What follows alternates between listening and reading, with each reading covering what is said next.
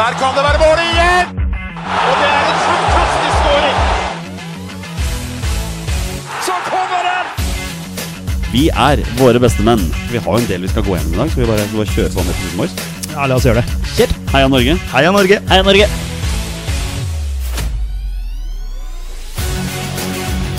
Takk, Ole Gunnar Solskjær!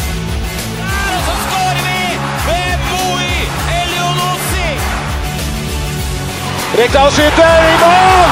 Og Norge leder 1-0! Så kommer den! Det er Tariq Elunussi som har sist på den! Martin Ødegaard! Hjertelig velkommen til alle våre følgere og lyttere der ute til det som er tidenes aller første episode 201 av Våre bestemenns podkast om norsk landslagsfotball. Mitt navn det er Jonny Normann Olsen, og med meg her i studio i dag har jeg hverdagshelten fra Bogerud, Petter Hermansen, Hei sann hoppsann. og rabagassen fra Raufoss, Torstein Nyland Bjørgo. Hei! Trioen er samlet for første gang på 819 år. Det føles nesten sånn ut, Petter. Har du det bra? Har det bra, vet du. Så det bra. er eh, deilig å være samla i studio igjen. Det er Ja. lenge siden sist nå. Alle sammen, alle gutta. Så dette, dette blir kos. Jeg har kun ett spørsmål til deg Ja. eh, angående den helga her. Og var det historiens kjedeligste rivaloppgjør vi så på Åråsen? Ja, jeg, jeg mener å huske at uh, det forrige oppgjøret på Åråsen også, da det ble 0-0 var, var det den sesongen som rykka ned, eller noe sånt? Da var det også 2019, ganske, ja. Mm. Da var det også ganske kjedelig. Geir Ellefsen Gate. Ja, stemmer. Mm. Eh, ja, det var en dårlig Jeg synes det var en dårlig fotballkamp. Eh, vi snakka jo litt om kampen i chatten vår. Eh, hvor Torstein skrev at han syntes Lillestrøm var best.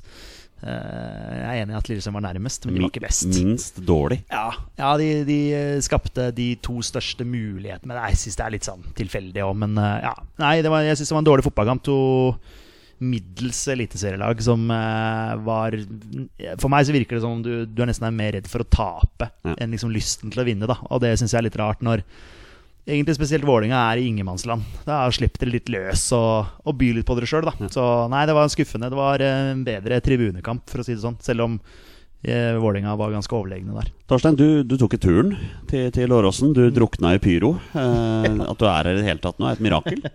Det er litt tåkete bortatek, syns jeg. Det er, Litt blurry, si. Ja. Nei da. Jeg var der. Det var eh, vanvittig flott ramme rundt kampen. Og Kjempefint og ordentlig morsomt å se. Og når jeg var, når jeg var for ja, mindre, 20, for nesten ja, 15-20 år siden, så var jeg mye på Åråsen, faktisk. Eh, tanta mi sponsa Lillestrøm, som var Clayton Sane, og det var alle de gode gamle Pål Strand fra Raufoss, altså alle gode gamle gutta. Så det, var, det er lenge siden jeg liksom har vært på Åråsen, og det har vært så mye trøkk. Trøkk, eh, og der var det. Og det var eh, moro, både fra hjemme- og bortesupportere. Men Kampen var jo dritkjedelig. Eh, det var den du kom for å se, egentlig. Eh, det var jo det dritkaldt og dritkjedelig kamp. Med to drit gørre lag. Så det var eh, Ja, det, jeg skrev at Lillestrøm er best, men Lillestrøm er nærmest. Det er vel riktig Vålerenga. Hadde de avslutning mot mål i det hele tatt? Altså, No offence, altså, men det var Nei, men det- det var faen altså, meg stusslig. Det er, Og han der ja. Amor Lajoni, fy fader, det er noe av det stussligste jeg har sett. Så nei eh, Det er Fagermo-fotball. Ja, det var, det var nitrist eh, skue. Fra noe som liksom Da forventa i hvert fall litt mer. Da. Litt sånn som Vålerenga. Jeg har i, ingenting å spille for, men i, en, i et derby så forventer du litt, da. Ja, ja. Det var ei takling Ja. som liksom Ja, Det reagerte jeg på. Hva, hva skjer med den, de kampene der? Skal Ja. trøkkes til. Det skal være masse harde dueller og taklinger. Det var én gang det var en Gustavsson Ja. meide ned Lajone der. Ja. Og så ble det litt fyring, og da, da? Sånn skal det jo være i Ja, og sånn da burde type jo spille litt fram og tilbake. Men nei, det var uh, stusslig stugen, altså. Men uh, herregud, morsomt og kjemperamme rundt kampen. Og ja til pyro. Det, var, det var, skapte ordentlig liv og røre. Men uh, når du snakker om uh, gørr kjedelig og ingenting å spille for uh, Raufoss De ligger hadde jo alt å spille for når de møtte Strømmen. Men nå har de jo ingenting å spille for lenger. For Nei, nå, de var det er det eneste laget i Obos-ligaen som per definisjon ikke kjemper om å unngå nedrykk eller opprykk. Nei, det har Det har blitt sånn. Ja, det har vært en stusslig sesong, altså. Fy fader. Det har vært nitrist, det òg. Så der må det legges en plan. Men eh, det prates jo på at det er unge gutter, og alle er i utvikling og ditt og datt. Men du forventer i hvert fall Og prestasjonene kommer til å variere, ja, for all del. Men noe En slags form for eh, fotballform eller noe du kan forutse. At du kan tenke at ja, i dag blir det en sånn kamp og kanskje mot den motstanden. Bla, bla, bla. Og så får du det Jeg har vært på fem matcher, og det har vært altså ko-ko i hver eneste kamp. Og jeg husker sist Shade var oppe, vi kommer til det ganske snart sikkert. Eh, hvor mye ble det på Raufoss? Var det fire-seks eller noe sånt? eh, Shade? Ja, Og på Nordre Åsen var- vant Raufoss Så det var litt liksom, det er ko-ko nesten hele tida. Så det er eh, Ja, vi satser på at de beholder i hvert fall de beste spillerne sine, og at de får litt stabilitet. Og så har de pratet på at de skal til Eliteserien etter hvert, da. Så ja, vi, vi, får, vi får se. Men eh, plassen er trygg, og alt er greit. Men uh, neste år så møtes vi, Torstein. Mhm. Jeg kan nevne en liten Det er bare å gratulere, Jonny. Gratulerer med opprykk. Takk. Den tar vi. Ja, det var, uh, eh, eh, vel fortjent. Ble avsluttet med stil mot G14-laget til Rosenborg 2 her. I, uh, Jeg så det ble kalt en parodi av en fotballkamp. Men det var det òg. Ja. Vi, jeg kan ikke huske å ha sett seg så effektive, egentlig. Altså 12-0. Resultatet, Ja, resultatet lyver ikke. Men det var jo en purungt Rosenborg 2 som kom opp her. Og vi har jo sett på sosiale medier at eh, debatten rundt andrelagsfotballen har jo virkelig blusset opp på grunn av det resultatet. Enkelte sjeler der ute mener jo at eh, Rosenborg 2 er grunnen til at vi rykker opp, ikke Egersund. Det er ikke riktig. Det, det medfører ikke riktighet. Men hadde, det, hadde matchen her vært spilt for fem-seks serierunder siden, så hadde Egersund hatt en sak, mener nesten jeg, altså. For det, sånn går det ikke an å drive på. At du eh, stiller et eh, helt ålreit lag hjemme mot Egersund og vinner 6-3, greit nok, det var de og så drar du til Oslo og taper 12-0. Det er altså Norges desidert største fotballklubb. Sitt andre lag taper 12-0 mot Skeid. Det er er uhørt, altså. helt enig i at det ikke skal forekomme hva Rosenborg driver med med andrelaget sitt. Det kan man eh, Ja, det er, det er en skandale. på, men, men- men, Men problemet oppstår jo fordi Rosenborg A-laget spiller samme dag. Ja. Og jeg tror juniorlaget til Rosenborg nå spilte noe To, kamp, to dager før, ja. Ja, Ja. Så det er jo sånne ting som, som gjør det. Det er klart Når Rosenborg spiller i Bergen, så har jo ikke de muligheten til å drive og sende med gutter ned på Rosenborg 2 Men- og sånne ting. Men ærlig talt, et lag som har ambisjoner om å rykke opp, som Egersund har, de skal slå juniorlaget til Rosenborg, som er forsterka med Eyolfsson, Serbesic og Widsheim Poll. Altså, Ja, Det er ikke noen unnskyldning for ikke å vinne en kamp. Og de tapte jo igjen og i hvert fall ikke å bli smadra 6-3, som det blei. Ja, og så tapte de jo nå den samme runden. Ja, ja, ja. Notodden, var det det? Ja. Ja, sant. Altså, ja. Når, når Skeid møtte Rosenborg 2 i Trondheim tidligere i sesongen, da møtte vi et mye sterkere lag enn det Egersund møtte. Vi vant 3-0. ja, sant. Så liksom, sesongen over helt er det som avgjør. da ja, ja. Egersund har tapt hjemme mot Levanger, altså de har tapt hjemme mot Odd 2. De har gått på noen poengtap, så det er ikke bare det her som avgjør. Men det er en fin diskusjon rundt debatten rundt andrelagsfotball. Det er jeg enig i. Mm. Men det er ikke Rosenborg 2 som er grunnen til at Skeid rykker opp. Nei. De rykker opp fordi de er best. Ja, det er enkelt og greit. Ja, da, Men over en, over en hel sesong, så Ja. ja. Vi har for øvrig fått et spørsmål fra en lytter. Magnus R. eh, ble jo nevnt sist, men kanskje Abel skal gå inn på topp av landslaget? Um, Hvem er Abel? Abel er eh, 19 år gamle Abel Stensrud, som jeg tror ingen i Fotball-Norge hadde hørt om engang før denne sesongen her. Um, som har skåret uh, 22 mål på 21 kamper. Syv av de mot Rosenborg? Eller sånn? Seks av de. Seks av de mot var det. Ja, seks var det. Ja. Men 18 mål på de siste 12. Så han har virkelig eh, Det blir spennende, det blir spennende å følge med. Spennende å følge han videre i Obos, da. Roger Nilsen. Kjempeskåring! Etter 55 sekunder. Roger Nilsen. All right, mine herrer. Førstkommende lørdag og førstkommende tirsdag så smeller det. Latvia hjemme på Ullevål stadion på lørdag. En kamp alle vi tre selvfølgelig skal på. Og så er det Nederland borte. Eh, Det skal avgjøres om vi skal spille VM i Qatar, om vi skal ut i playoff, eller om vi ikke skal ut i playoff i det hele tatt. Vi begynner med Latvia-kampen, Petter. Um, Påstanden min er alt annet enn tre poeng på lørdag er en total skandale. Det er en to to to total skandale. Helt enig i det. Eh, Jeg syns vi gjorde en veldig bra bortematch mot eh, Latvia. eh, Og forventer jo at vi skal dominere hjemme på Ullevål også. Eh, Rett i strupen på dem.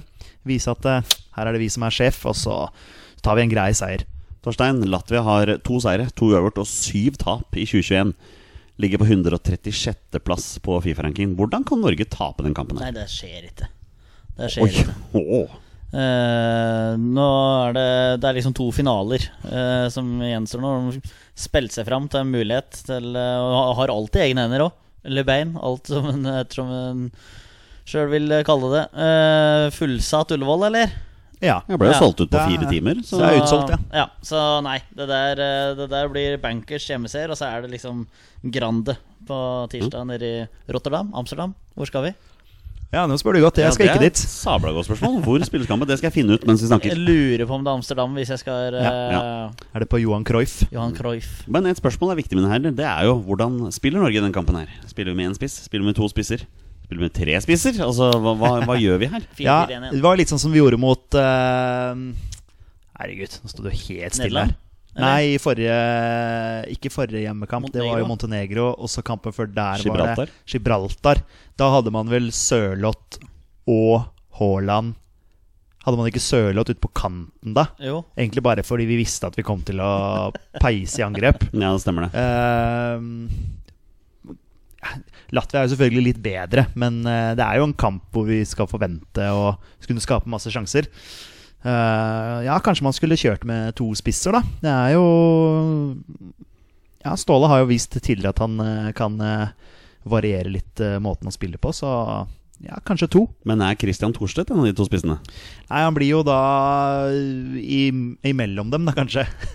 For han skal spille. King og Sørloth oppe, og så er Thorstvedt har en sånn fri rolle. Ja. Thorstvedt har fri rolle oppe. Han skal bare være der ballen havner, egentlig. Ja. Torstein, nå veit jeg hvor Nederland-kampen skal spilles. Den skal spilles på stadion Feyenoord. Ja, De ikke Koip. sant? Ja, det står Stadion Feyenoord du- her. Der kan du se. Der, de Koip. De, Eh, der, more commonly known by its nickname The Kop Cape. K-U-I-P? Ja, men på, det står det den der pronouncen på nederlandsk her. Da Cape.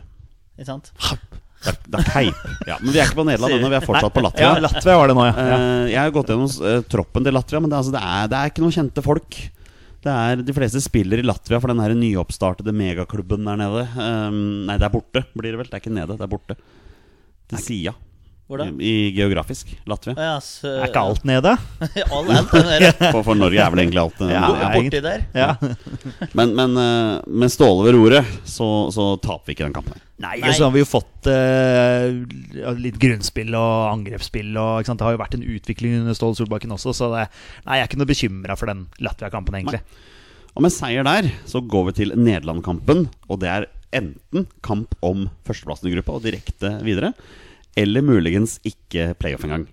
Og Som jeg har skrevet her, det, det mest sannsynlige er at vi ender på første- eller tredjeplass etter den kampen. der Det er litt å Ja, tenke for på. Tyrkia har Montenegro i siste runden der, sant? Det er Tyrkia jo har ikke den, det er ikke den letteste kampen for Tyrkia. Bortekamp mot Montenegro. Nei, Altså, du det- så dem sleit jo nå mot Var det ikke Latvia de sleit mot uh, sist og fikk straffe 100 minutter på Jo, overtid? det ja, det. sant? Så det, og du kan jo tenke at Montenegro er et bedre lag enn Latvia. Ja, men Så- nå vet ikke jeg hva slags lag Montenegro er når de ikke har noe å spille for, da. Nei, men, de eh, er, eh, er gjerrige, vet du. De, ja. de gir ikke noe gratis, dem. Men i hvert fall, seier mot eh, Nederland. Vi er klare for VM i Qatar.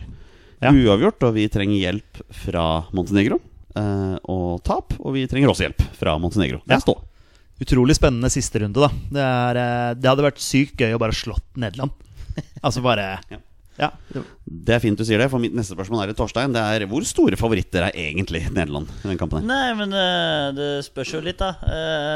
Eh, hvis, hvis, hvis det skal være Nei, jeg, jeg veit ikke helt. eh, Men uh, For, for altså, greia er at Nederland har noe å spille for. Ja, det er akkurat det, det, det som er greia. At hvis Si vi sier hypotetisk at det blir uavgjort mellom Norge og Latvia på eh, Ullevål, og Nederland vinner sin kamp mot Eh? Montenegro. Montenegro. Så er det kjørt. Så Nederland skiller Nederland mot oss, og så Altså, men eh, Nei, eh, men det er samtidig litt kulere å slå et topp av nederlandsk lag òg. De vil jo selvfølgelig gå direkte til VM, de òg. kanskje de tar litt lett på oss når Brautebass sitter hjemme. med. Og så eh, kan vi knekke dem da. Sørloth skårer jo litt sånn litt i Real Sociedad. Eh, jeg vet ikke hvor mange kamper han har spilt, men eh, skårer snitt på annenhver kamp, eller? Sånn cirka. Joshua King jeg så på den Arsenal-Watford-kampen. Eh, han virker på en måte litt mer sånn kvikk i steget, i hvert fall. Eh, Everton, når han putta hat trick der, var det jo, det løsna jo skikkelig. Og så eh, er en håpløs oppgave å spille spiss på Watford, da. Men eh, han eh, men, han var Han viste i hvert fall Han klarte å holde ball litt i laget, litt oppe der, så at han liksom kan skape noe på egen hånd. Ja, kanskje det. Så mm, Spørsmålet ditt er om vi har trua på at vi kan eh, slå Nederland nedi der? Ja, hvor store favoritter er egentlig Nederland? Det var spørsmålet. Ja. På en skala fra hva? Nei, hva skal man si? Veldig store favoritter, da. Ja, vi kan si sånn. Og med et fullstappet uh, The Cape, stadion Feyenoord, så har vi ikke fansen i ryggen heller. hjemme til Holm- Holmgren, Holmgren Pedersen. Og Fredrik Aursnes. Ja, ikke sant? Ja, det kan være en fordel, det. Ja. Fordel, I hvert fall for Holmgren, da, som sannsynligvis starter. Eller som skal starte. Ja. Har jo vært en åpenbaring på den høyrebekken. Ja, nei, Det har han uten tvil. Petter, eh, Olai Årdal, vår faste lytter, har sendt inn spørsmål. Og jeg skal ikke ta det på dialekt, så jeg spør bare eh, Hvordan vil vi at startelveren mot Nederland skal se ut? Eh, Hansen i mål. Holmgren Pedersen på høyrebekk. Eh, Birger Meling på venstrebekk. Så er det Strandberg, i hvert fall, som ene stopperen. Så er jeg litt usikker på den andre stoppeplassen, altså. Jeg syns den er litt vanskelig. Hanke Olsen, jeg er veldig fan av ham. Så har han vært litt involvert i noen sånne baklengskluss. Men uh, det virker som det er uh, Hanke som er uh, Ståles mann, nå som Ayer er ute. Stian Gregersen har spilt fast for Bordeaux Ja, i Frankrike. men uh, han, ja, det er jo ikke hans feil at han ble flytta på høyrebekken mot Hellas, eller hva det var for noe. Det var jo forferdelig. Mm. Uh, det er jo ikke hans feil, men det er klart at han gjør det bra i eh, Frankrike der. Så ja, det er jo absolutt en mann å ha med. Så har du, har du med Ruben også. Ruben Gabrielsen er vel med. Uh, og så er det Lode, er det det? Mm. Ja, nei, jeg, jeg går for Hanke, altså. Så spørs det jo litt formasjon her, da. Jeg vil jo Nå vet ikke jeg hvordan det er ståa her med Patrick Berg. Jeg. Om han har han muligheten til å få vært med nå, eller er han helt Jeg ute? er usikker. det er Veldig godt eh, spørsmål. Men, men jeg syns Aursnes har gjort det ganske bra når han har fått muligheten Ja, ja. her nå. Altså. Men, Ja, men det- Nordmann og Thorsby, da. det er vel, du skal, du, altså, Nordmann bør jo spille dette her, Ja, så Nord- god som han er for tida. Nordmann er jo, har jo vært klasse i Premier League. Altså det er jo, han er vel bare på lån i Norwich. Og det er klart at uh, andre Premier League-klubber følger vel med på hva han har levert eh, i, eh, i Premier League for et eh, ja, ikke-presterende Norwich, selv Ja. om de da slo Brentford i helga. Ja, for han er på lån, Ja. men Norwich har en opsjon på å kjøpe han hvis de berger plassen. De må jeg kjøpe mener- han hvis- De må Ja, kjøpe han hvis ja, de berger plassen. Det er sånn ja, det fungerer. Ja. Ja. Altså, Så ja. de kommer ikke til å kjøpe han. Og, og, fått, nei, han har fått egen ikke. sang òg. Ja, det har han også. Ja. Er det sant? Ja. det er Det var vel vår, vår venn Arilas som Ja, ja, jeg laget tror, jeg en tror det.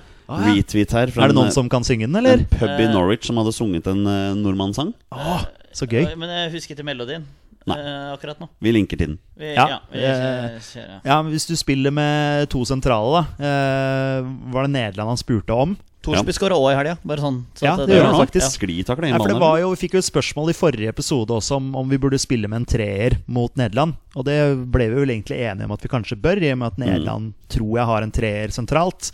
For å demme opp, da. Uh, så er jo spørsmålet om man skal gå ut i en 4-5-1. Uh, vet ikke hva dere tenker. Og da kjøre en treer på midten der med Thorsby, Nordmann Ødegaard. og Aursnes. Ja, jeg ville hatt Aursnes. Ja. Eh, Berg optimalt sett. Mm. Eh, som en spilfyrer der. Så Ødegaard på kant. Ødegaard på kant, ja. Han skal jo spille, for han er kaptein. Og så har du Moe på andre, og så har du Sørloth, ville jeg gått med på topp, da. Ja. Hvis du går ut i en 4-5-1. Ikke Lene Olsen. Nei, og så er det jo Torstvedt, da. Ikke sant? Ja, han skal også spille. Ja, han skal jo egentlig det. Så det er liksom Jeg syns det der er vanskelig. Jeg er glad vi ikke er uh, så Men kjørte jo. Thorstvedt alene på topp borte mot Tyrkia. Ja, men da hadde du ikke valg. hadde vel ikke så mange alternativer. Det var vel King Veton, var skadd. Veton Berisha, da, som eh, Sørloth var borte. Ja, Sørloth var borte òg, ja. Ja, Ja, ja, sant, Braut var eh, borte. så Det det var bare Berisha. Ja, sant. Det var jo tre spisskrise, faktisk. Ja, det var det. Ja, Men eh, Torstvedt han scora jo, så ja. Nei, jeg syns jo han er en sånn mann som du må ha med. Mm. Men eh, vanskelig egentlig å vite om du da skulle hatt han inn på eh, Om du da skulle hatt han inn på midten der, da. Altså en av de sentrale, bare litt høyere i banen. Vanskelig. Ja. Eh, Nytt spørsmål fra Olai. Denne får du, Torstein. Eh, Hva er fasit på mat, snacks og drikke til kampen mot Nederland? Altså Ja, ja så, vi skal jo se den på TV. Eh, Det skal vi. eh, jeg, bare tenker litt Latvia jeg nå. Så at, eh, vi, men ja, greit. Nei, men hvis vi kjører Nederland, da hadde jeg kjørt uh, Big One, altså. Big one, ja, ja, en klassisk Big One. Den Gjør det vanlige, den vanlige klassiske Ja, Big One. ja, for at med pepperoni så blir det litt Du kan brenne det på sausen, som ligger under uh, osten der. Ja, Ja, ja. litt sterkt for noen. Ja. Men jeg ville kjørt, eh, jeg ville kjørt Big One, og så kanskje hatt Hvis du liker ketsjup, da, så kan du ha det på Hvis du deler pizzaen i åtte stykker, ketsjup på annenhver, og så har du litt uh, dipp ved sida. Det ville jeg Ja, dette er så sofistikert. Ja, Ja, men, men du må gjøre litt ut av Ja, å, så kjedelig med frysepizza. Nei, du kan gjøre det 10 000 ganger bedre enn det det ser ut som. Pimpe det ville jeg gjort. Ja, I for å stå og mekke tak og lasagne og sånn der. Nei, gjør det enkelt. Fotballkamp. Da er det på med kosebuksa og beina på bordet og pizza i kjeften. Ikke beina på bordet når du ser på Norge. Prematch. Og Ja, Prematch er greit. Ja, ja, men det, jo, jo, men du kan Nei, ikke si nei, da- da er det altså. Når du skal opp og juble, Da er det fram. Og Norge skårer, scorer, ja, du skal opp og juble. Du da- kommer deg jo ikke opp. Nei, da du med Du må, ha, du må du sitte litt på, du på må- kanten av sofaen. ja. Der, der er jeg best, i Du hvert må fall. være klar. Det er bare jeg som sitter igjen når Norge skårer nå, for jeg venter på VAR. jeg. Ja, det har faktisk vært en uting, faktisk. Ja, Denne jævla VAR-greiene. Ja, det har det. Eh, Jeg hadde egentlig tenkt å invitere på lasagne, men da finner jeg på noe annet eh, til den kampen. Eh, Drikke da, Torstein? Drikke cola. Ikke Cola uten sukker? Nei, Ikke? ikke når det Litt sukker når det er fotballkamp. Ja. Ja. Ja, ja, ja. Urge, uh, Ja. Urge er det en, liksom vært, en Hadde det vært helgekamp, så hadde jeg anbefalt uh, alkoholige drikker, men eh, ikke midtukekamp. Da holder vi oss eh, på vannvogna.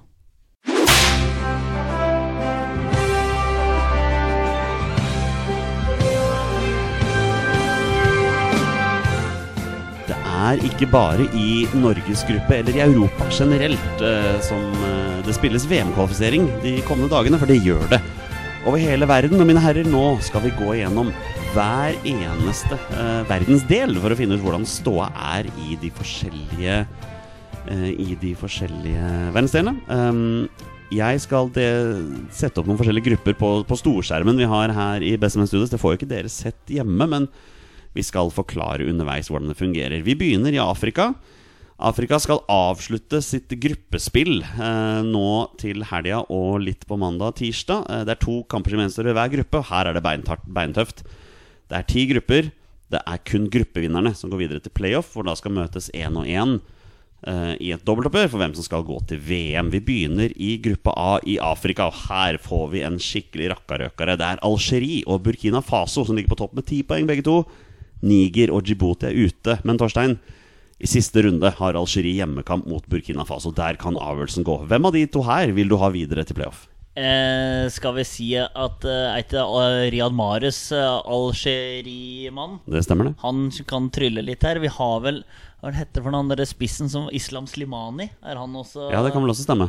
Ja. eh, fra Algerie? Så jeg lurer på om vi skal ta, sette en knapp på Algerie. Jeg vet ikke hva jeg ønsker, for jeg tror ikke det har så fryktelig mye å si. Men uh, hva jeg tror, så ser jeg litt på målforskjeller òg, så ser jeg jo at uh, Algerie har uh, virkelig taket på Burkina Faso her òg.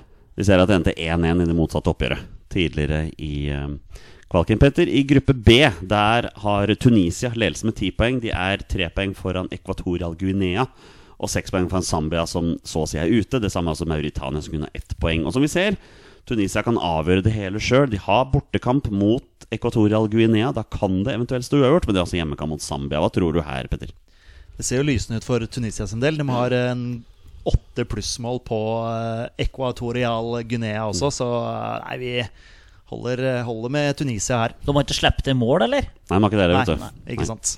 Så er det gruppe C. Denne vet jeg at Torstein Børge kanskje kan glede seg til. Det var ikke eh, gruppe C, jeg venter til neste gruppe. Men uh, i gruppe C der har vi Nigeria som leder med ni poeng. Kapp Verde er kun to poeng bak. Sentralafrikansk republikk har fire, mens Liberia er ute med tre. Og som vi ser, Torstein, i siste runde har Nigeria hjemmekamp mot Kapp Verde. Kan Ja. Kapp Verde detonere bomben her, eller vil Nigeria gå videre?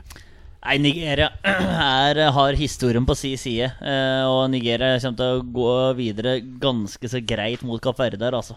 Som vi også ser, Det eneste tapet Nigeria har, er faktisk hjemme mot Sentralafrikansk sentralafrikanske republikk. Så- Skandale. Og nå er det jo snart så, sånn at halvparten av det nigerianske landslaget snakker med britisk aksent. For de henter jo inn flere briter som har nigerianske aner der. Ja. Eh, var det gruppe D jeg tenkte på, da? Det er det, vet du. For her skal en stormakt ut. Malawi og Mosambik er allerede ute. Det står mellom Elfenbenskysten og Kamerun. Det skiller ett poeng i favør Elfenbenskysten. Men i siste runde har Kamerun hjemmekamp mot Elfenbenskysten. Petter, hvem går videre her? Nei, det er jo to store lag, da. To store nasjoner sånn i, i Afrika og i, i eh, liksom VM-sammenheng. Du for, forventer jo liksom at Elfenbenskysten og Kamerun er med. Eh, nå er det som du sier, en av de, en av de skal ut. Wow. Hva tenker du, Torstein? Det er vanskelig. Det er synd for Malawi da at det var så langt bak. Eh, pop, pop, pop. Malawi-pop. Eh, de som vet, de vet. Ja. Hva tenker du, Her går Elfenbenskysten videre. Det blir 1-1 det mellom Kamerun og Du tror de spiller på resultat? Ja. Ja. I gruppe E så har Mali to poengs ledelse på Uganda. Det er de to eneste lagene det står mellom, da Kenya og Rwanda allerede er ute. Og som vi ser, i siste runde har Mali hjemmekamp mot nettopp Uganda og kan avgjøre det på eget eh, gress eller kunstgress. Verdt å merke seg, verken Mali eller Uganda har sluppet inn mål. Fryktelig kjedelig gruppe. Det blir 0-0, det, da. Ja, det her er målfattig, altså. Gud Ja. bedre meg. Uganda med to seire og to uavgjorte, og 2-0 i målforskjell der, altså. Syltynt. Nei, det ser ut som Mali, Mali er favoritter der, altså. Ja. I gruppe F, eh, hvis vi kan få fiksa den her eh, Egypt med Mohammed Salah har ti poeng, og de ligger fire poeng foran Libya. Kan avgjøre det hele sjøl. De møter dog ikke Libya, men de har hjemmekamp mot Gabon, som allerede er ute, og med Abameyang på laget, og Angola, som også er ute. Så det, det meste tyder på at Salah blir med inn i playoffen her, Torstein. Ja, det tror jeg han fikser sammen med kompisene sine. Det er vel Mohammed El Neni er vel òg fra Egypt der, så det er jo et par Og han der um, Therese G, som spilte i Asen Villa i fjor, er òg fra Egypt. Så det er, det er noen som kan spille fotball der, og så er det en av dem som er litt, litt bedre enn de andre. I gruppe G, Petter, her står det mellom to lag. Sør-Afrika har ti poeng og leder gruppa, men det er kun ett poeng foran Ghana. Og disse to lagene skal møtes i siste runde i Ghana. Det er jeg dog ikke helt sikker på. Jeg mener at Ga Ja, vet du hva? Dette er litt morsomt, for Ghanas hjemmekamp skal spilles i Sør-Afrika. På grunn av covid. Ja, ikke sant. Det var ikke så morsomt. Nei, det er jo eh, Ja, nei eh, Vanskelig. Skal jeg gå for eh, Lucas Radebe Sør-Afrika, eller skal jeg gå for Tony Boa Ghana? Det er eh, vanskelig. Det er eh, en, en av eh, de nasjonene skal ut, men eh, får holde en knapp på Sør-Afrika, da, i og med at de har litt eh, fordel av hjemmebane da, i, Ja, I bortekampen. på, i, i bortekampen. Tidligere Leeds-spiss David Sonn er jo også fra Sør-Afrika. Det er korrekt. Ja.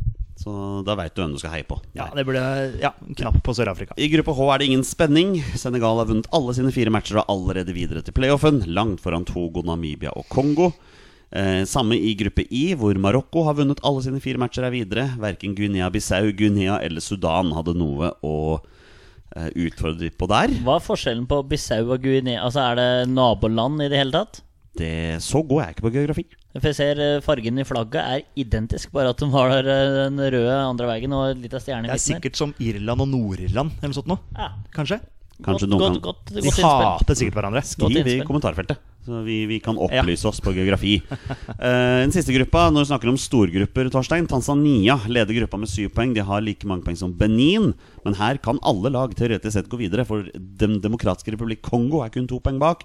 Og selv Madagaskar på bunn kan gå videre. Men også verdt å nevne at uh, Tanzania har en avgjørende hjemmekamp mot nettopp Demokratisk republikk Kongo. Ting kan snu der. Her er det vi åpent, eh, Torstein. Ja. Uh, fryktelig spennende her, altså. Uh, skal vi sette, være litt ballsy og sette en knapp på Madagaskar, da?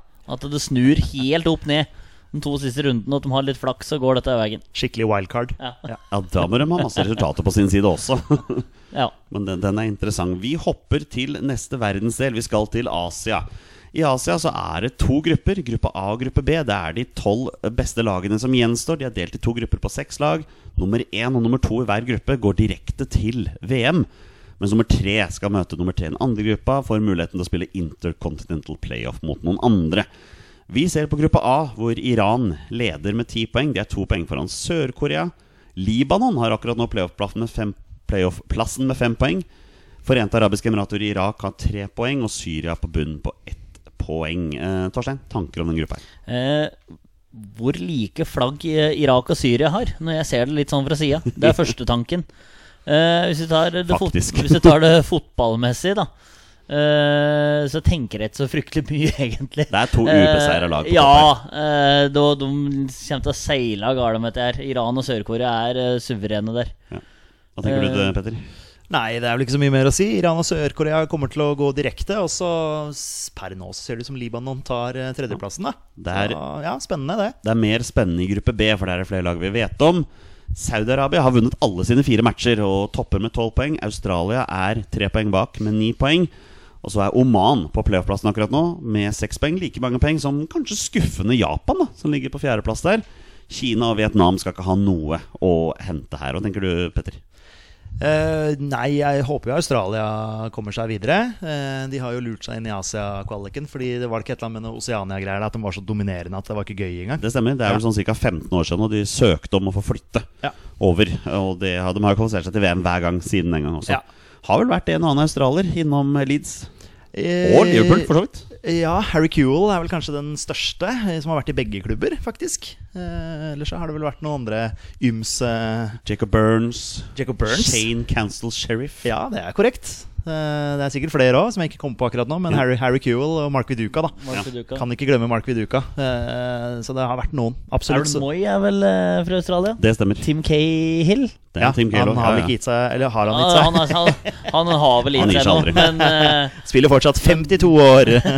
men er det ikke han som har fortsatt rekorden for flest hedda skåringer i Premier League? Jo, det kan godt Det tror jeg han Høres ut som uh, Tim Ja, Cahill. Tim Ja. Han har vel aldri scora med beina, faktisk. Han Bare med Ja, bortsett fra, Hadde ikke han en skikkelig i VM her, hvor han volley mot Nederland? Apropos. Ja, Tilbake i ja, ja. 2014, tror jeg. Ja, ja, Ja. det kan sikkert stemme. Men uh, ja, nei, eh, håper, håper Australia går videre, i hvert fall. Hva tenker du, Torstein? Ja. Det er et lag en har hørt om. Og så at Japan får fart på skøytene etter hvert her. For det er jo i hvert fall eh, noen spillere som du har litt sånn kjennskap til, i hvert fall. Det er jo noen lag du liksom forventer skal gå til VM fra Asia. Eh, og Japan er selvfølgelig et av de lagene. Ja. Så Japan har en eh, liten jobb å gjøre der. Men impo imponerende av Saudi-Arabia, det må sies. Så langt, da. Ja, absolutt. Ja. Vunnet, alle kampene sine. Ja, jeg må også si Jeg skal ikke kimse av Oman heller, eh, som faktisk eh, slo i Japan på bortebane i forrige runde. Men Hadde han på overtid. mål, eller? Jeg kan ikke tenke meg det. vi hopper til neste verdensdel. Vi skal til Konkakaf, også kjent som Nord- og Mellom-Amerika. Der er det åtte lag som gjenstår. De møter hverandre i en svær gruppe. De tre beste går direkte til VM, mens fjerdeplassen skal ut til Intercontinental Playoff. Her er det to lag man alltid forventer skal gå videre. Det er Mexico og USA. Men USA klarte det ikke for eh, tre år siden. Og så Derfor er det litt press på de. Der dog de to lagene som leder, med henholdsvis 14 og 11 poeng i favør Mexico. Og så er det Canada, som er ubeseira med to seier og fire uavgjorte, som har det mest spennende landslaget de har hatt omtrent noen gang for tida. Uh, som er eh, med og truer der. Panama har akkurat nå playoff med åtte, mens eh, skuffelsene er de Costa Rica og Jamaica, og ikke minst Honduras, som ligger nederst. Torstein, her er det mange lag du har hørt om. Uh, ja, uh, mange land jeg har hørt om. Jeg har jo tross alt hørt om åtte land. Eh, men eh, fotballmessig Canada, Alfonso Davies, eh, Jonathan David Oliver Ocean, eller? Eh, nei, men, Nei, men, men det er i hvert fall to kjempestjerner i de to nevnte der. Sam uh, Adekugby. Sam Adekugby. men jeg må også slå et slag for en spiller som virkelig har vært god for Canada i år, og det er Junior Hoilett. Junior Hoilett, ja. Ikke sant? Der har du en som har spilt fotball før. Så Canada bør kunne fortsette den streaken de er på, å gå ubeseira gjennom. Nå spørs det litt på kampprogrammet, sjølsagt. Eh, USA må fortsette jobben. Mexico, ja. Også da er det noen som detter utafor. Men det gjør meg ikke så veldig mye at jeg ikke får sett Honduras eller Costa Rica. Det er liksom blitt sjarmert nok av Costa Rica fra 2010 Det var- og 2014. Nei, det var 2014, faktisk, hvor Costa Rica kom helt til kvartfinalen. Ja, og så Og røk på straffer mot Nederland. Ja, det er det vel. Og så tapte de vel åpningskampen fem I 2006 tapte de vel åpningskampen mot Tyskland der. Ja, det stemmer det. Og så i 2010 så Åssen gjorde de det? Det kan vi ta senere. Møtte, ja. ikke vi, møtte ikke vi Panama for noen år siden på Ullevål? Det var rett før, rett før VM i 2018. Ja. Da vant vi Vi 1-0. Det var Ja. forferdelig fotballag. Ja. Ja, nei, uh, få disse tre fremste der, og resten kan være ryke race, egentlig. Også verdt å nevne at USA også har et meget talentfullt eh, lag her. De bygger jo mot å arrangere VM på hjemmebane med Canada og USA Nei, og Mexico om uh, fire år. Hvem er det som er sjef i USA nå? Det er Greg Bearhalter. Ja, Det sier meg ingenting. Nei, det er egentlig bare jeg som har hørt om han. Ja, men Du er jo USA-ekspert. Eh, Så skal vi ta en liten interessant en her. For det vi ser her akkurat nå, mine herrer, det er de elleve rangerte landslagene i Oseania. For der har ikke VM-kvalifiseringen begynt ennå. Og grunnen til det er at den har blitt utsatt hele tre ganger. Pga. covid og pga. rot med administrasjon har det vært rett og slett umulig for de har fått arrangert eh, VM-kvaliken. Så per dags dato er den utsatt foreløpig til mars, og det foreslås å arrangere en turnering i Qatar for å kunne kåre en vinner i den oseanske kvaliken, som da skal møte et annet landslag i playoff. Og som vi ser her, New Zealand er jo omtrent det eneste laget det er verdt å nevne her, Petter.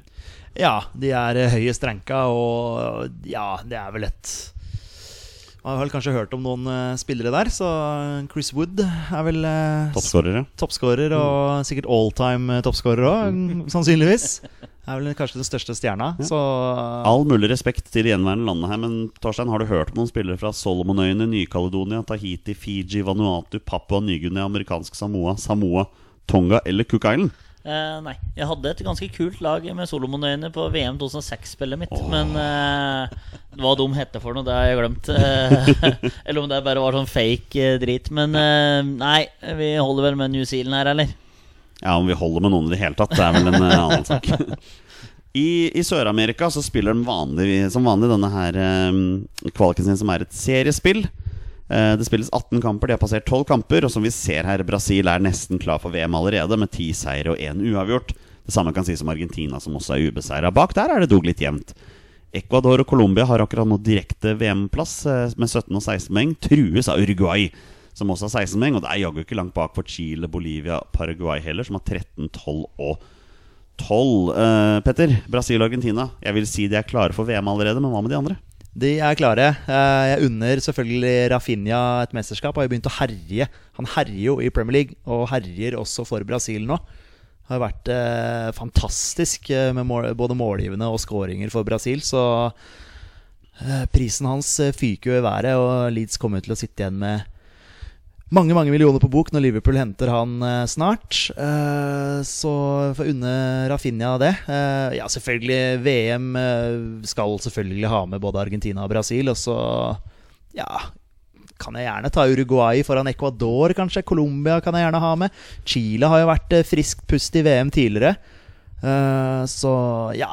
Nei, men Brasil og Argentina er i hvert fall viktig å få med i et uh, verdensmesterskap. Men som vi også ser her, Torstein, eh, Brasil og Argentina har én kamp mindre spilt enn de andre. Og grunnen til det er jo noe spesielt som skjedde forrige gang disse lagene skulle Ja, møtes i var- oktober. Jeg, jeg prøvde, Kaos. Ja, jeg skulle se den kampen, kose meg med den.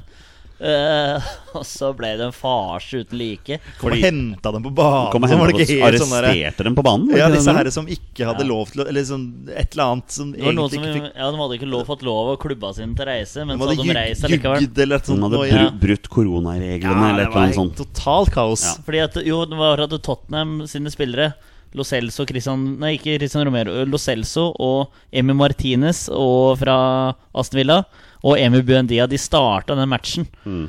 Mens eh, Brasil sine Premier League-stjerner De satt på benken. Og da, da ble det noe krøll, og en som hadde sendt inn en protest, og de kom og henta dem, og det var så mye ah, helt, helt kokos. Men eh, uansett, det er seks poeng mellom Brasil og Argentina i favør Brasil. De har jo fanken ikke tapt ennå. Det er for så vidt ikke Argentina heller, da. Men For så vidt ikke. For så vidt ikke. Men, eh, men eh, De skal jo til VM. de skal til VM, og de møtes innbyrdes, men det har ingenting å si. Eh, og så Ja, Petter oppsummerte det greit. Vi kan Ja, ja ok. Ja. Greit, da gikk du videre. Greit. Det eneste, la, det eneste laget som teknisk sett ikke har sjanse på VM-plass her, er, er Venezuela. Ja, det er ikke noe, det er ikke noe å ta opp, det. Nei. Det er greit. Vi tar turen til Europa. Der skal vi av, avslutte hele. Vi begynner i gruppa A, hvor vi får en skikkelig kanonkamp på slutten her. Serbia leder gruppa, ubeseira med 17 poeng. Portugal på andreplass, også ubeseira med 16 poeng. Luxembourg på tredje har ikke sjanse med 6 poeng. Den store skuffelsen her er jo åpenbart Irland med 5 poeng. Og Aserbajdsjan med 1 poeng. Men i siste runde har Portugal hjemmekamp mot Serbia. Torstein, her kommer det til å smelle. Ja, det lukter vel Hvem er det, hvem er det Portugal har den eh, kampen nå mot, sa du? Det ser ut som de har bortekamp mot Irland, og det er som alle veit lett match. ja, det skal vel gå ganske greit. Nei, men det kan bli en kul kamp. Det er Portugal-Serbia siste runde der, du. Der blir det gule kort. Åh, For dem som er glad i å bette. her skal det bettes, ja. Ja, så er det bare å sette Over fem og et halvt. Sette noen kronasjer. Det er alltid lurt å google hvem som dømmer, Fordi om det er en kortglad dommer. Og så, ja, Men Serbia-Portugal, der skal det smelle. Men Petter, vi må jo spørre. Vi vet jo alle at du, er, du har en forkjærlighet for Irland. Hva, hva skjer i Irland for tida? Nei, Etter at Robert Keane la opp, Johnny, Jonny, så har ikke jeg fulgt så tett med på Irland. Så jeg, Hvis du spør meg hvem som er landslagssjef, jeg har ikke peiling. Jeg følger ikke med. Uh, ja, det stemmer at Irland var uh, i mitt hjerte, fordi Robert Keane er min all time eh, favorittspiller. Men eh, ja, han har gitt seg, og da mm, stoppa min kjærlighet for, eh, for Irland. Så jeg, jeg veit ikke, Jonny. Det er, eh, kanskje de er igjennom et eller annet sånn generasjonsskifte eller et eller annet. Jeg har ikke peiling. I null, null peiling. Vi håper til gruppe B. Eh, Sverige leder gruppa. De har fem seier og ett tap med 15 poeng. Spania har 13 poeng. Og som vi også ser her, disse to lagene skal også møtes i siste runde, da i Spania. Så Spania kan snike seg forbi på direkte der. Hellas, Herregud. Georgia og Kosovo er ute. Det er spennende, altså. altså sånn at de møtes. Det er jo litt sånn som med oss med eh, Norge mot Nederland òg. At man liksom Det avgjøres i siste runde. Det er mange jo- kule kamper å se på TV-en gjennom helga nå. Altså. Ja, det, det er mye, mye spenning knytta til de kampene her nå. Det er selvfølgelig provoserende å se Sverige på toppen av den tabellen her. Jeg skulle jo sett de nederst, men eh, de er gode. De er irriterende gode, faktisk, og får det til i hvert jævla mesterskap. 4-4-2. Hver eneste kvalik. Ja. Så ja, all ære til Sverige, selv om det er irriterende. Hvis du syns det er irriterende med et skandinavisk lag på toppen av sin gruppe som er irriterende gode, så kommer vi til et annet land om ikke så lenge. Eh, Men vi håper til gruppe C, og her, mine herrer Italia og Sveits, begge to på topp med fire seier og to uavgjorte. Det skiller kun to plussmål i favør Italia. De har begge 14 poeng. Bulgaria, Nord-Irland og Litauen er ute. Og som vi ser i siste runde Nei, unnskyld, i runden før det så har Italia hjemmekamp mot Sveits. Og husker jeg riktig, men møttes ikke disse to lagene også i EM i sommer? Da det endte med straffekonk etter en heidunderlandskamp? Eh, 3-3 mellom Frankrike og Sveits, i hvert fall. Ja, og Hvor da, Sveits slo ut Frankrike. det gjorde de. Hvem var det Sveits og Sveits Og røk ut i Italia-Sveits da, kanskje. Ja, i- jeg mener det var det. Det kan, eh, det kan være. Og så da vant eh, Jo, Federico Chiesa ble matchvinner på overtid. Men det er to naboland, da. Det er to naboland som møtes her. Uh, så det Hva tenker du, Petter? Italia eller Sveits? Jeg tenker sånn ah, Kunne ikke vi vært Sveits? Altså Vi hadde jo lett slått liksom Bulgaria, Nord-Irland, Litauen. Så hadde vi hatt den andreplassen, vi. Mm. Uh, irriterende. Det er liksom den Danmark-gruppa som du kommer til etterpå. Sånne der, det er så enkle grupper, da. Mm. Er hver gang så skal vi havne i sånne der vanskelig, trøblete grupper.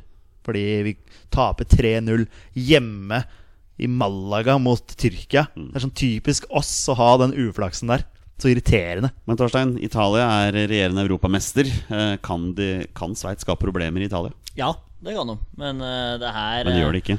Nei, de gjør det ikke. Det er det som er eh, greia. Ja. I gruppe D kan vi gratulere Frankrike med minst eh, playoff. da Eh, De har eh, tre seire og tre uavgjorte. De er tre poeng foran Ukraina.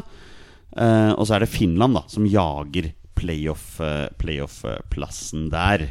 Um, Bosnia og Kasakhstan er ute. Relativt åpen, åpen gruppe, Torstein. Ja, eh, det vil jeg si. Eh, Ukraina, Finland og Bosnia har jo meldt seg på. Ordentlig moro. Eh, det kan bli noe heidundrende matcher der om den playoff-plassen. Frankrike er det ingen som skal true noe sånn særlig der, altså. De, jeg ser de har Frankrike er er hjemme mot Kasakhstan og borte mot Finland. Ja, de er ferdige mot Kasakhstan nå, så er de ferdige. Uten Paul Pogba. Ja. Verdt å merke seg Petter, at Ukraina på andreplass har én seier og seks uavgjorte. Eh, og alle fire hjemmekampene deres har endt 1-1. Så de har altså spilt 1-1 med hodet Frankrike, Finland, Bosnia og til og med Kasakhstan, faktisk, som ligger nederst der. For en ræva gruppe. Ja, altså, du har spilt seks uavgjortkamper, og hun ligger på andreplass. Det sier veldig mye om kvaliteten på de laga bak. Og er ubeseira. Ja, ja, Ja, ja, ja, men det er, ja, det er fascinerende. Ja. Uh, gruppe E, her har Belgia Har vel kvalifisert seg. De har 16 poeng, og det jeg tror ikke de kan bli tatt igjen av noen. Nei, det skal fryktelig mye til òg. De kommer til å ordne, ordne at det er greit. Nå. Ja, De har en hjemmekamp mot Estland, så de Litt kommer sant. til å ta den. Men det er helt åpen om andreplassen, som står mellom Tsjekkia og Wales. da Begge to med 11 poeng. Og jeg kan vel ikke si at de to lagene skal møtes, så Wales må ta igjen eventuelt to plussmål. Men de har to hjemmekamper. Dessverre er den ene mot Belgia, og den andre her mot Hviterussland. Mens Tsjekkia faktisk, ser jeg nå, bare har én kamp igjen. Ja, faktisk. Så. Wales har dette i sine egne hender, faktisk. Wales kan avgjøre sjøl. gøy med Wales. Det hadde vært gøy å fått dem eh, til en playoff. Gruppe F, her kommer vi inn på den gruppa vi snakker om. Uslåelig Danmark. Åtte seire, åtte mulige. 27-0 i målforskjell. Eh, Det er jo egentlig bare å ta av seg hatten og applaudere for det danskene har gjort. Men som du også nevnte, Petter, det er ikke den sterkeste gruppa, dette her. Eh, Østerrike er jo en, blitt en gedigen skuffelse etter egentlig å ha vært gode veldig lenge. De er helt ned på fjerdeplass, har ikke sjans. Skottland ser ut til å klinsje playoff-plassen, men de har igjen en hjemmekamp nettopp mot Danmark. Og en bortekamp mot Moldova. Israel ligger fire poeng bak. Ja, Danmark er sterke. Eh, egentlig en selvfølge at de vinner den gruppa der. Eh, det er jo ikke akkurat noen stormakter de har møtt. Eh, det er selvfølgelig imponerende at de har vunnet alle kampene sine. Og jeg vil tippe at de vil eh, avslutte med stil og vinne de to siste. Så gratulerer til Danmark. Dere skal til Qatar. Hva tenker du, Torstein? Ja, det skal de jo. Ja. Eh, og så blir det en liten kamp på denne kvaliken der, men Nei, eh, gratulerer Danmark, og jeg tror vi kan si gratulerer til Skottland, ja, altså. Å, spennende. Eh, gruppe G er eh, Norges gruppe. Den, eh, den har vi jo allerede eh, snakket eh, ganske mye om. Så jeg tror ikke vi trenger å nevne den nevneverdig mye. Vi veit premissene, Ja. og det tror jeg lytterne gjør også. Eh, vi kan avgjøre sjøl. Bare vinne to kamper, vi. Det er så så, så er vi i, i VM. Og så får vi bare ta det, ta det deretter. Det er vel så enkelt, eh, Torstein. Ja. Vi, vi må egentlig bare prøve å Har avgjøre alt i våre egne hender. Synd at vi har en av verdens beste spisser ute, men det får vi ikke gjort så veldig mye med. Det var Ståle ganske klar på at det ikke skal bruke så mye energi på. Ja, men det, det liker jeg Ståle. Ja. Det har jeg sagt før også, at han, han er så god på å ha liksom, riktig fokus. Så Han kan ikke drive og fokusere på de vi ikke har med. Vi må fokusere på de vi faktisk har med. Så jeg er eh, veldig veldig enig med Ståle, og han, eh, han vokser bare enda enda mer eh, for hver gang han, han har pressekonferanse og, og sånn. Så jeg bare ja, liker Ståle. Gruppe H, eh, Russland og Kroatia er de to som står igjen her. Russland har 19 poeng, Kroatia har 17 poeng. Men sånn som i andre grupper nå, så skal det jaggu være en liten gruppefinale her. Og Torstein, den er i Kroatia. Når Kroatia skal møte Russland, og Kroatia må vinne for å gå Ja, se her, du. Det er jo litt lagt opp til det, sånn kampoppsett. Skulle nesten mistenker det nå. Uh, Se den gruppa, da. ja. Altså bare sånn Bytte ut Norge med Kroatia, da. ja, men så er jo vi der òg. Altså, Ja, vi er bedre enn Slovakia, Slovenia, Malta og Kypros. Ja, Du måtte nevne de andre lagene som også var i gruppa. Ja. Nei, det er bare sånn uh, Ja. Det er det derre at vi er i en gruppe med Nederland og Tyrkia, som er liksom Nederland er jo sterkere enn oss i utgangspunktet, og Tyrkia er jo sånn Ja, De var sterke for et års tid siden. Ja, Var Ja, de ja. sterke før VM, EM, mener jeg. ja vi har litt, litt Ja. uflaks med at vi har en nasjon som er på vårt nivå, på en måte. Mens veldig mange andre nasjoner møter sånne jallalag. Ja. Ja. Jeg blir litt frustrert, jeg nå. Når vi snakker om jalla-lag England har eh, grep om førsteplassen her med seks seire og to uavgjorte i gruppe I. De har 20 poeng. De er tre poeng foran Polen, eh, som har litt grep på andreplassen. De er to poeng foran Albania. Eh, verdt å merke seg Albania har en, en mot allerede, nei, hjemmekamp mot allerede utslått eh, eh, Andorra. Men de skal også møte England. Så ja, England kommer til å vinne gruppa, det kan vi slå fast. Ja, Og de gjør det. Polen tar andreplassen. De gjør nok det. Og det her er jo en sånn gruppe jeg ikke ville hatt Norge i. For de er Ja. sånn bananskallgruppe for Norge. Ja. Når man møter Albania og Ungarn og sånn. Det er sånn klassisk Norge. Men verdt å nevne at Ungarn er en stor skuffelse her. Og Ja, men de, Hvis de hadde møtt Norge, vet du, de tatt seks poeng mot oss. Men det er litt sånn karma. Det er rasisme. akkurat å nevne opplegg. hele Europa jubler faktisk for at Ungarn er Ja. ute.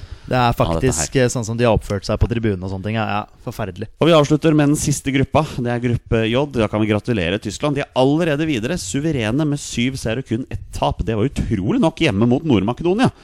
Eh, Men kampen om andreplassen er latterlig jevn her. Romania har den akkurat nå med 13 poeng, men både Nord-Makedonia og til og med Armenia driver og snuser bak der med 13, 12 og 12. Romania har en hjemmekamp mot Island og en bortekamp mot allerede utslåtte Liechtenstein. Altså begge de to er utslåtte, så Romania har kampprogrammet på sin fordel. Nord-Makedonia har igjen kun um, Ja, nå står det stille her. Nord-Makedonia har igjen en hjemmekamp mot Island, de også.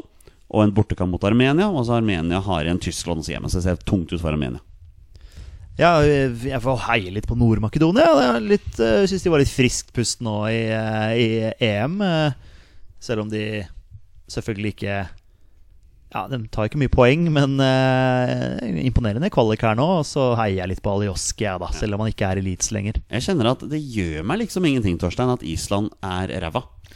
Eh, nei. Endelig er Island Ja, ræva. Det er på tide at Island blir jekka litt ned nå. ja, ja, de har vært høyt oppe. Men det er vel noe sexskandale der òg, som kanskje ikke som hjelper litt. Mye men, eh, rart som foregår på Sagaøya disse eh, dager. Altså. Alle er bestemor på Island. det er det. Ja.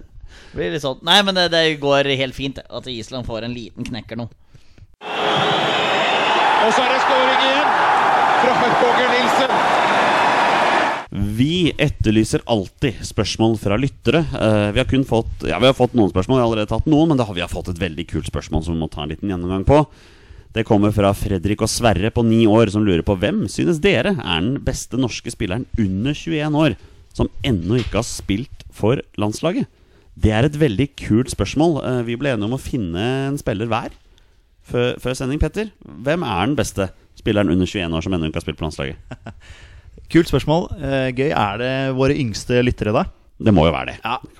Uh, hei, Fredrik og Sverre. Kult at dere hører på, og kult at dere sender inn spørsmål. Fortsett med det. Uh, ja, jeg syns det er vanskelig, fordi det er lett for meg som har laget i Eliteserien, å liksom ta mine, mine unggutter. Uh, du har Osame Sarawi, du har Odin Tiago Holm, som er to spillere som, som sannsynligvis kommer til å nå ganske langt. Eh, så jeg har vært innom litt forskjellig. Gulliksen i Strømsgodset. Eh, det er sikkert flere som, eh, som man kunne nevnt her. Men eh, hvis jeg skal gå, skal gå for én, så jeg må bare gå for Jeg må gå for Osame Sarawi, jeg, altså. Eh, får jo ikke så mye tillit på U21, merkelig nok. Eh, spilte vel nå sist, hvis ikke jeg husker helt feil.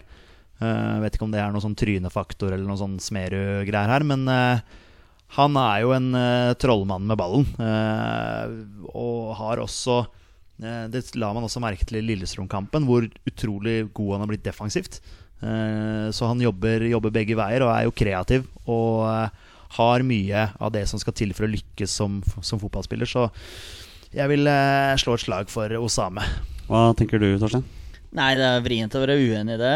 Du har jo Emil Konradsen Seid i Rosenborg, som gjerne skal ha en liten uh, lyst til å diskutere den uh, kampen der. Hatt et lite gjennombrudd i år, eller? Ja, men det var liksom eh, kjempeform i seks-sju kamper, og så dabba det liksom av at jeg syns Det var litt sånn Osame Sarawi var i fjor, syns jeg, og så i år så har han kanskje vært litt mer stab stabil på et relativt svakt Vålerenga-lag. Eh, men han har liksom utmerka seg likevel, syns jeg, det lille jeg har sett av Vålerenga. Eh, men eh, jeg, skal, jeg er jo litt vrang, så jeg skal si noe helt annet. Eh, jeg skal ned i Obos og si Oskar Aga. Den er kul. Ja, Den han er, er Det her er han, Oskar Aga blir min nye Fredrik Gulbrandsen. Er, men, men det er nest, Det er så ikke tuller, altså. Han banker inn så mye mål for Grorud. Og det er sikkert få som har hørt om den, og noen, noen mest fotballinteresserte har hørt om den. Og han er så rå foran mål og inne i 16-meteren at det er Helt vanvittig. Så han er en liten luring. Så da har liksom Sverre og Fredrik på åtte og ni år De har sikkert ikke hørt om Oskar Aga, men da har dere ikke et lite Google-søk å gjøre, gutter. Og så, og så er det å sende inn flere spørsmål, for dette var, eh, dette var moro. Jeg veit at uh, tvillingparet Fredrik og Sverre sitter og skriker til radioen akkurat nå når du sier at de er åtte og ni år. De er ni år begge to. Ni år, begge to. Da får de krangle hvem som, hvem, hvem som var åtte. Da, vet du. det, ja. Jeg var også innom Osame. Det er jo vanskelig å komme utenom. Men, men hvis jeg skal være litt sånn Jeg vet de sier U21, uh, men jeg tenker også på spillere som er på U21-landslaget. Og akkurat i år så er det fryktelig vanskelig å komme unna Erik Botheim, altså. Som faktisk er 21 år, så han er liksom akkurat på grensa. Men ja, det er vel noen som påstår at de kunne ha satt en oppvaskbørste på topp for Bodø-Glimt. Han har blitt toppskårer i år, men uh, du må jo prestere, da. Ja, ja, så har han vært i en A-landslagstropp òg, da. Ja, men han, han har jo ikke vært Han har ikke spilt ennå. Nei, men så spørs det litt på kriteriene til eh, gutta boys her. Ja, men det, eh, det fikk vi ikke. Nei, nei, nei. uh, Som ennå ikke har spilt. Ja, ja, ja, så det er vel innafor. Men uh, ja, nei, Botheim ble jo Skal han bli henta av Roma nå, da? Var det noen rykter nå? Var noen rykter nå? Ja, det er, det er spennende. For et, for et eventyr. Det er, ja, nei, jeg tror sånn som Glimt eh, spiller, at nesten hvem som helst kunne spilt på topp. Eh, skal ikke ta bort prestasjonen til Botheim eh, i år, men eh, jeg tror bare måten de spiller på, hvor mange sjanser de skaper i løpet av en fotballkamp, at uh, å spille spiss der er en ganske takknemlig oppgave. Det må jo være utrolig givende hvis du er et ung, spennende spiss i Norge eller i utlandet i hele tatt, og komme til et sånt system hvor du veit at du blir fora, du veit du får mulighet til å skåre mål. Ja, det er litt moro. Han Elias Hage nå, det er jo et navn du kan Dæven eh, steike, ta altså, fram. Eh, og så er det litt artig Hugo Vetles nå, som Ja, eh, for, som hva har skjedd? Hvorfor har han blitt verdens beste spiller ja, plutselig? altså Nå klarer han faktisk altså, Han skårer mål. Ja, ja. Og liksom vært pratet så på at ja, han er så bra, og satt her og sa at han skulle på landslaget innen to år og sånn. Og nå Han banker rakk ikke det. Nei, nei men, nå, men nå skårer han i hvert fall mål og viser at han kan bidra med det òg. Så alle lykkes i Bodø-Glimt. Absolutt alle sammen. Så det er um... Det er nesten irriterende, vet du. Nei, hva, jeg, jeg lar meg imponere. Altså. Jeg syns det er uh, et eventyr. Alle som prøver å finne noe negativt med Bodø-Glimt uh, uh, det, eh, det irriterer meg. For det er, det er vanvittig eventyr som alle i Norge skal være glad i og glad for.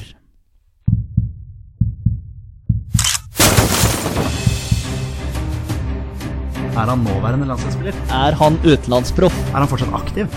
Er han back? Har han spilt for Rosenborg?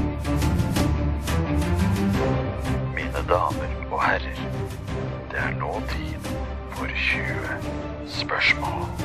Det er på tide å avslutte som vi pleier med en runde 20 spørsmål. Petter og Torstein har 20 ja- og nei-spørsmål på å komme fram til spilleren jeg har funnet fram, og det er en spiller som har minst én A-landskamp for Norge. Bonusregelen her i Våre bestemenn er at når de gjetter navn på en spiller, da er spillet over, og de har vunnet eller tapt. Mine herrer, vi er tilbake med en god gammeldags twist i dag. To posisjonsspørsmål.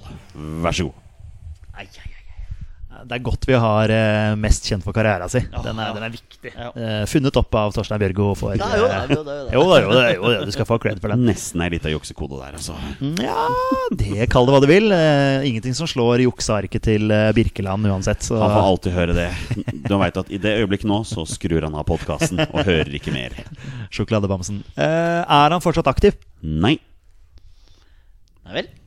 Eh, da Vi kommer til å stille det uansett, men har han deltatt i et mesterskap med Norge? Ja. Hei!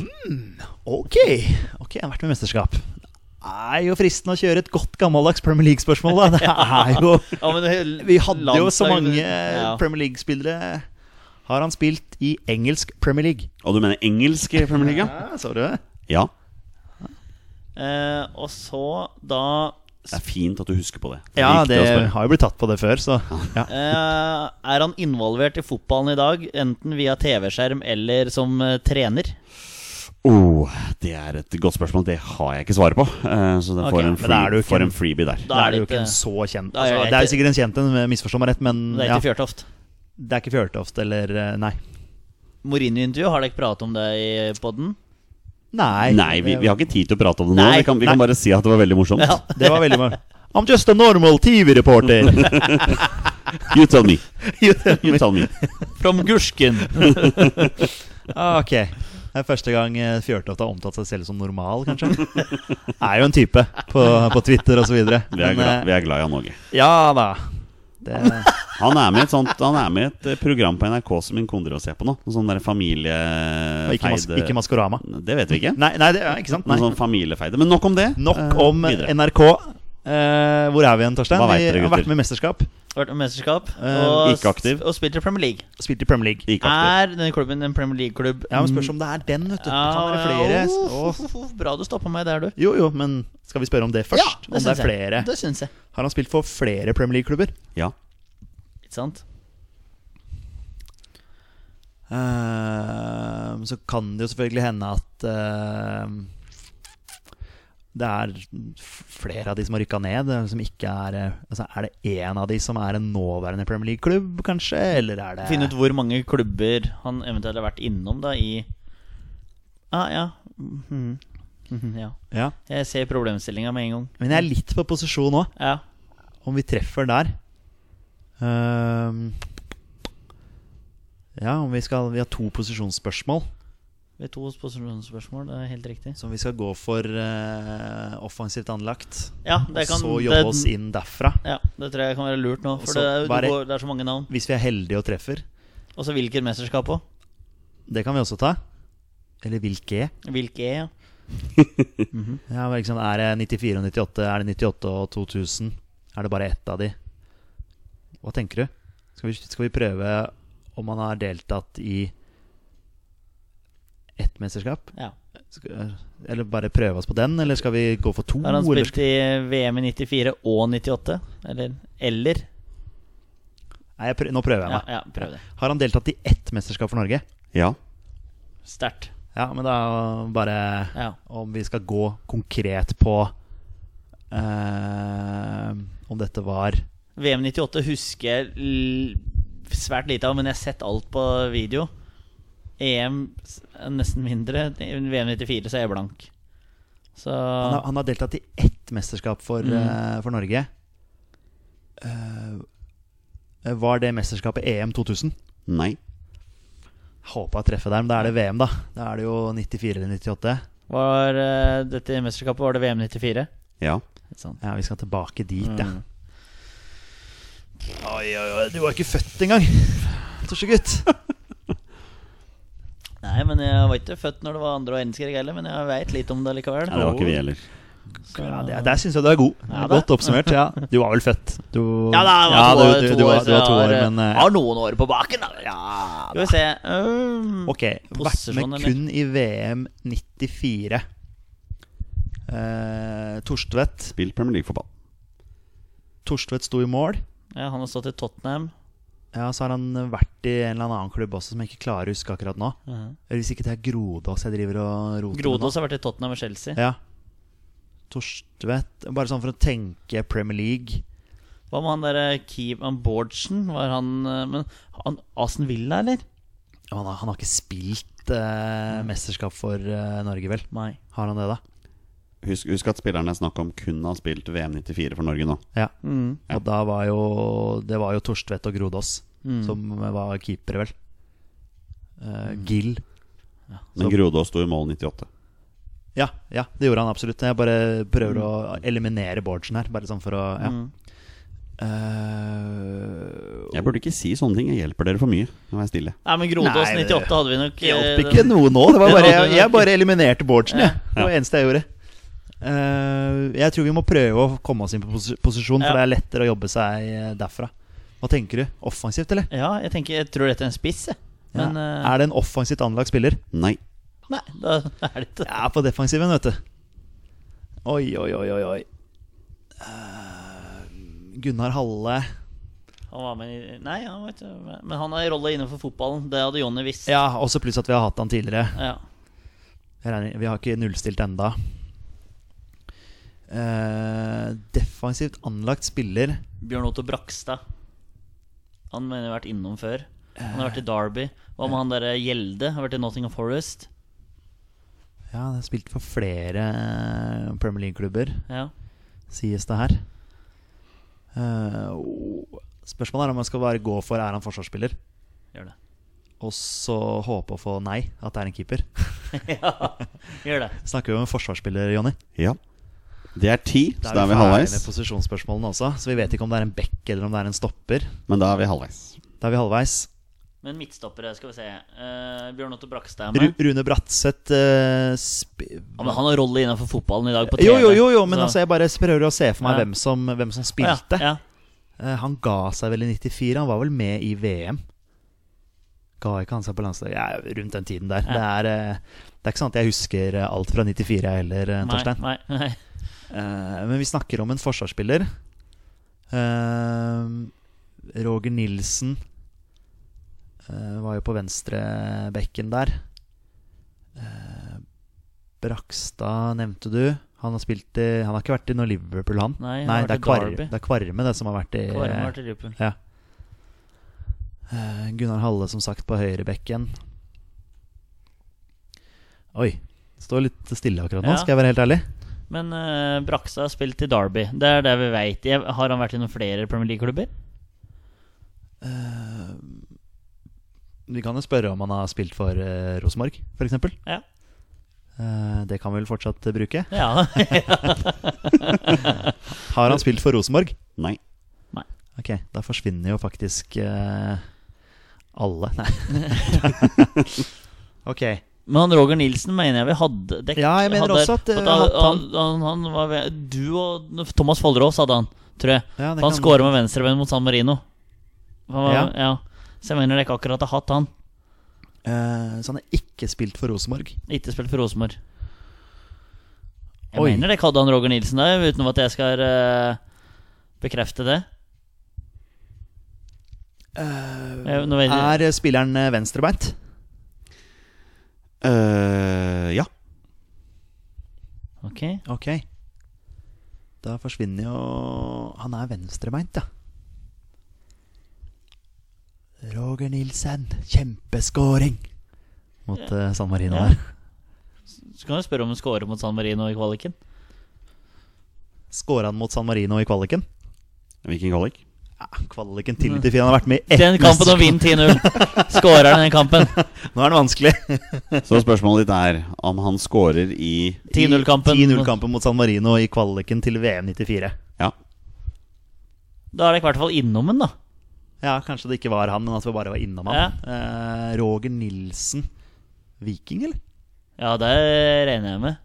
Du som er litt vikingpatriot. Ja, Jeg, jeg blir bare mer og mer glad i Viking. hvor, hvilke. Premier League-klubber har han spilt i? Eh, potensielt. Og han scora i den 10-0-kampen. Ja, Roger Nilsen og venstrebein. ja, dundrer han inn der. Ja, Hvem andre er det som scorer den kampen? Mykland? Gunnar scorer- Halle Ja, tre. Høyrebeint. Ja. Mykland scorer. Ja. Høyrebeint. Rekdal scorer hat trick. Ja, scora han hat trick, ja. Skåra i hvert fall to. Men det kan mulig han skårte hat trick. Jeg husker ikke. Men han skårte i hvert fall. Hvem flere har du her igjen? Gunnar Halle skåra hat trick. Ja. Halle hat trick. Og så Rekdal to, Ja. kanskje. Eh, Mykland, som du Fem, sier. seks. Roger Nilsen, To av sju. Roger Nilsen. To, åtte. Ja, men eh, det må jo være Men Hvor har han spilt den i Premier League? Det er det jeg ikke husker. Mm. ass. Det ikke det at det har noe å si nå. Vi har funnet ut at han er venstrebeint. Vi har funnet ut at han har scora mot San Marino i den kvaliken. Er det lov til å beskrive målet og høre om det er det målet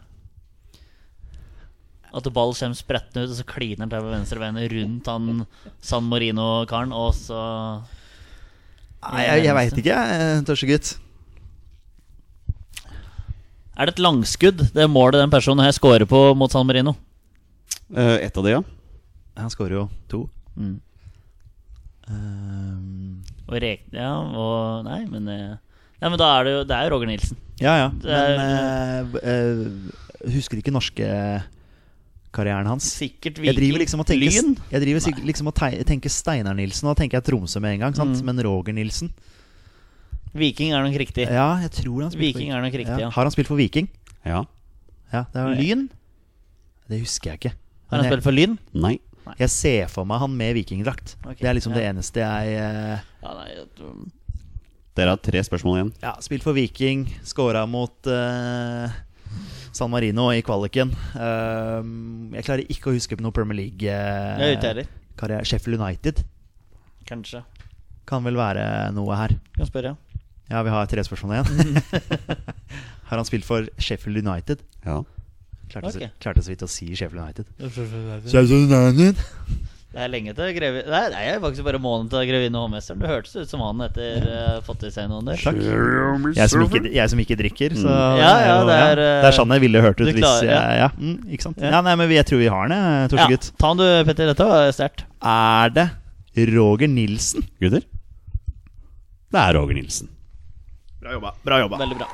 Veldig bra. Deilig. Jeg trodde også vi hadde hatt han før. Ja. Ja, Broren, broren til Steinar. Ja, ikke sant? Mhm. Det var bra vi ikke kasta han vekk.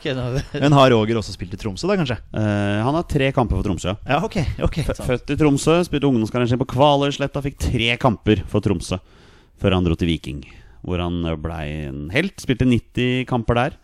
Var også på lån til Köln, faktisk, i en liten periode, men er mest kjent i karrieren sin for syv år i Sheffield United, hvor han spilte Oi. 166 kamper. Oi. Eh, rakk også to kamper for Tottenham i 1999, ja, før han dro videre til Graz i Østerrike. Så noen kamper i Molde før han avsluttet karrieren i Bryne. Uh, sist sett som uh, hovedtrener for Vidar eh, i andredivisjon i 2018. Der også. Og du har helt rett, han skårte to mål mot San Marino. eh, begge to på langskudd. De andre målskårerne i denne kampen er det var et hat trick av Gunnar Halle. To mål av Kjetil Rekdal, to mål av eh, Nei, ett mål av Erik Mykland og to mål av Gøran Sørloth, Målskåreren. Ja. 10-0 til Norge foran 6511 tilskuere på Ullevål. Så sånn er det med den saken. Yes. Roger Nilsen, helt riktig, mine herrer. Ja, ja, ja. ja. Vi, vi henta oss inn der. Det gjorde dere. Det var ikke så verst, det. Og med det er det på tide å avslutte dagens episode. Men før vi kommer så langt, så får jeg noen sinte blikk fra siden her. Det er Torstein Børge som har noe viktig han vil si. Vi skal ha resultattips. Det skal vi. vi. Vi skal vel også ha det i vloggen vår på lørdag, men vi klinker jo til der også. Vi Det er jo tid for å endre meninger i vloggen. Ja, for det er det som kommer til å skje. Vi kommer til å tippe noe her nå, så tipper vi noe annet når vi Ja, står men på det er kampen. ekstra flaut å ta feil. Ja, men det, er, det er viktig å ha litt sånn, eh, litt sånn slingring. Litt sånn Ja. Petter Hermansen 3-0. Til eh, Norge mot Latvia. 3-0 til Norge mot Latvia. Tar vi begge kampene, eller? Ta byen der, vi. Ja. 3-0 til Norge mot Torstein? eh, Latvia. 4-0. Nei, det var det jeg hadde lyst til å tippe også. Norge vinner 6-0 mot, eh, mot Latvia. Den er god. Petter, Nederland. Norge. Vi vinner 2-1. Sjokkerer eh, fotball-Europa og kvalifiserer oss til, til mesterskapet ingen har lyst til å være med i. Nei. Torstein, hvor mye taper Norge? Eh, vi taper ikke. Vi spiller eh, 1-1. Det var det jeg hadde tenkt å si også. Jeg har ikke tenkt å si at Norge vinner 6-0 nå. Det blir 0-0. Oi! Det, er høy, det må det være høy odds på. Ja, det tror jeg også. Vi, vi, vi tetter igjen helt, og så har vi kanskje to sjanser i løpet av kampen. Torstvedt som skaper de. Vi har spilt 0-0 i Rotterdam før. Ja, der ble vi pissa på. Ja, kanskje det skjer igjen. Da hadde vi flaks. Hvem vet? hvem vet Det var vel da Arne Skeie sa noe sånt som at Gud må være norsk. Eller Ja, noe det var en av dem som sa det, de som kommenterte der. Men eh, ja, vi ble ja, ordentlig fillerista. Selv om eh, Fjørtoft eh, kunne skåra i den kampen, faktisk. Stemmer Apropos Janogi, som vi snakket om her. Og med det er det på tide å avslutte dagens episode. Tusen takk til alle dere som hører på. Dere er fantastiske mennesker. Vi er våre beste menn. Heia Norge. Heia Norge! Hei, Norge! Og Hey.